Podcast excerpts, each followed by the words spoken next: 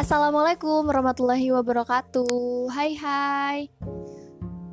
Aku kali ini langsung aja ya bacain kisah dari Kak Evi Safrina Karena kita bakal jalan-jalan guys. Judulnya Jalan-Jalan Cantik di sekitar Sydney yang murah meriah. Hmm, kalau murah meriah aku suka nih. Oke, kalau gitu langsung aja let's go.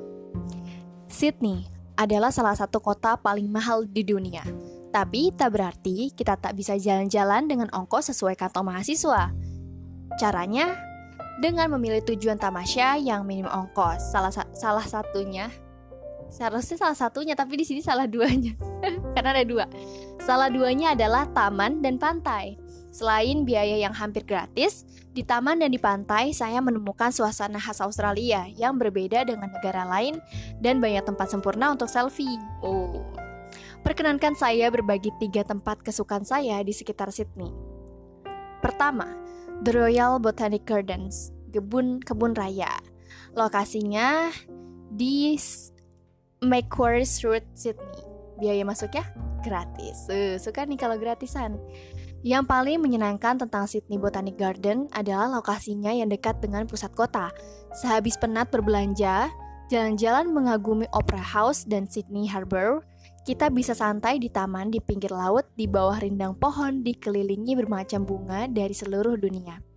Kebun raya ini juga tak jauh dari Art Gallery yang memamerkan karya seni mendunia tanpa memungut biaya kecuali untuk pameran tertentu. Jadi tadi tuh uh, Art Gallery NSW New South Wales.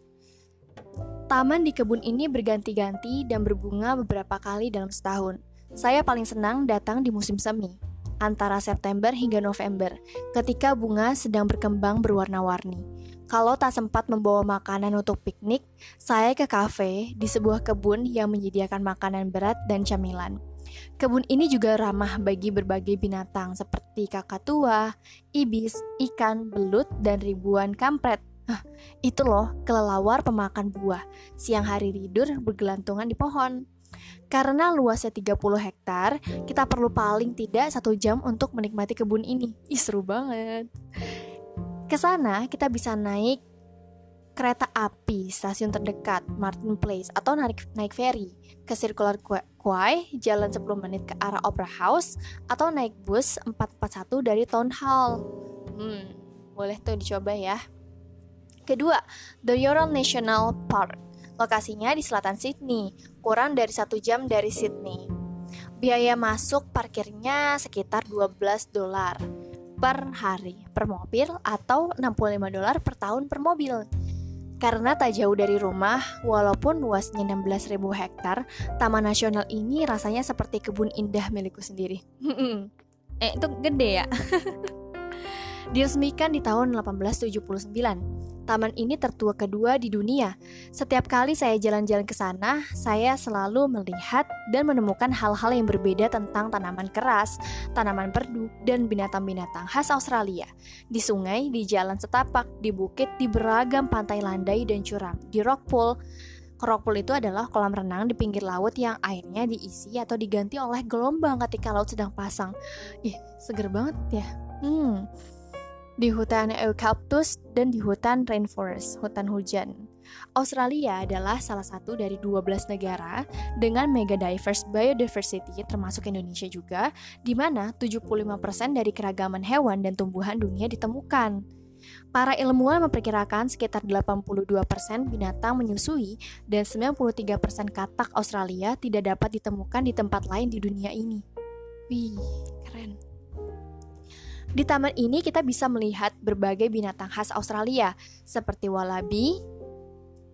Dia mirip-mirip kanguru tapi ukurannya lebih kecil. Echidna mirip landak. Burung koko kabura ini yang kalau bersuara seperti orang tertawa terbahak-bahak. Ngebayangin gimana ya?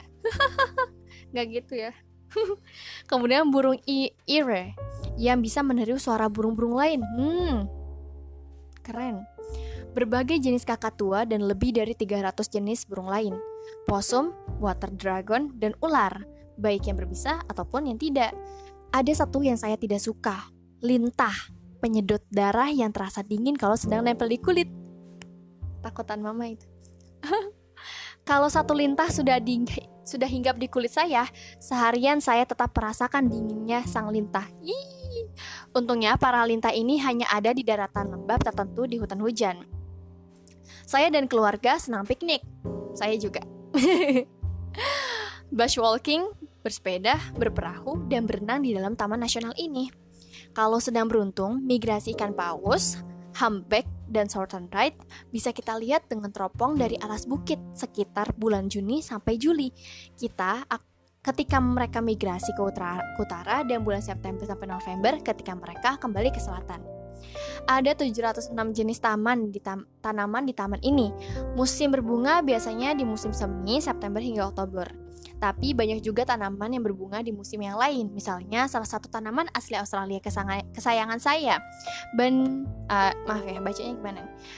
Banksia erifolia yang berbunga di musim gugur pada bulan April sampai Mei di, di taman ini. Di tempat lain yang lebih dingin, dia berbunga di musim dingin.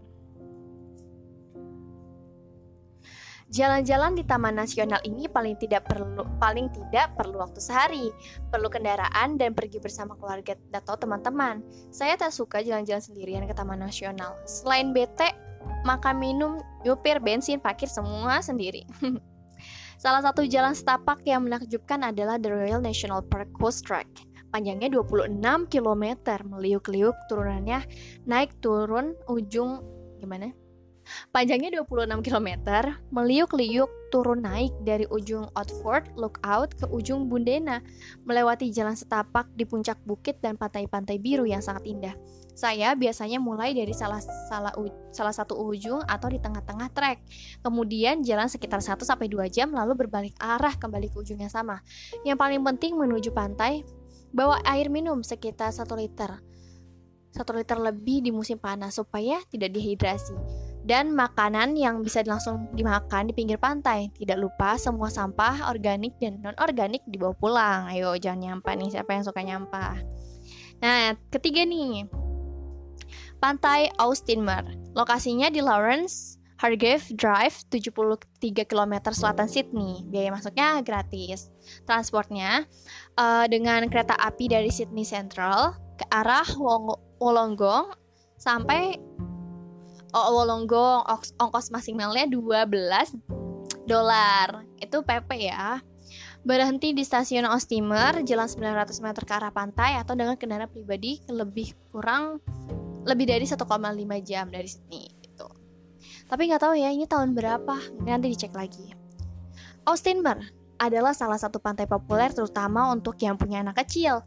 Pasirnya putih dan ada dua rockpool menghadap ke Samudra Pasifik yang di utara Baby Spool karena dangkal dibuka tahun 1914, di sebelahnya kolam lebih panjang dan dalam ditambah sekitar akhir 1930-an. Lebih baik datang ke pantai Austinmer di hari kerja, karena di hari libur atau hari akhir pekan, pantai itu penuh sesak dan susah dapat parkir. Di pantai, pagi-pagi sekali biasanya penduduk setempat yang berenang. Ada keterangan di dekat kolam yang memberitahukan kapan suhu kolam pada hari itu. Kalau terlalu dingin, jangan nyebur ke kolam. Semakin hangat hari, semakin hangat kolam. Semakin banyak anak-anak datang berenang di kolam yang dangkal. Dulu, waktu anak saya masih balita, hampir setiap bulan kami ke sana. Lebih sering lagi di musim panas, sehabis berenang atau bermain air dari pasir, eh air dari pasir. Sehabis berenang atau bermain air dan pasir, enak sekali makan siang di pinggir pantai. Fish and chip dan es krim biasanya. Yuk jalan-jalan. Ayo, yuk yuk jalan yuk. Aduh. Kalau misalnya denger cerita-cerita jalan-jalan gitu, rasanya pengen jalan-jalan juga ya. Yaudah deh, semoga kita bisa jalan-jalan ya guys. Amin. gimana gimana? Udah dicatat belum tuh tadi? Ada tiga. Siapa tahu kalau pergi ke Australia bisa kan dikunjungin. Dari mulai pantai terus tadi apa lagi? Taman Nasional kebun raya uh seger semua pokoknya. Oke sekian dulu ya. Makasih banyak semuanya. Wassalamualaikum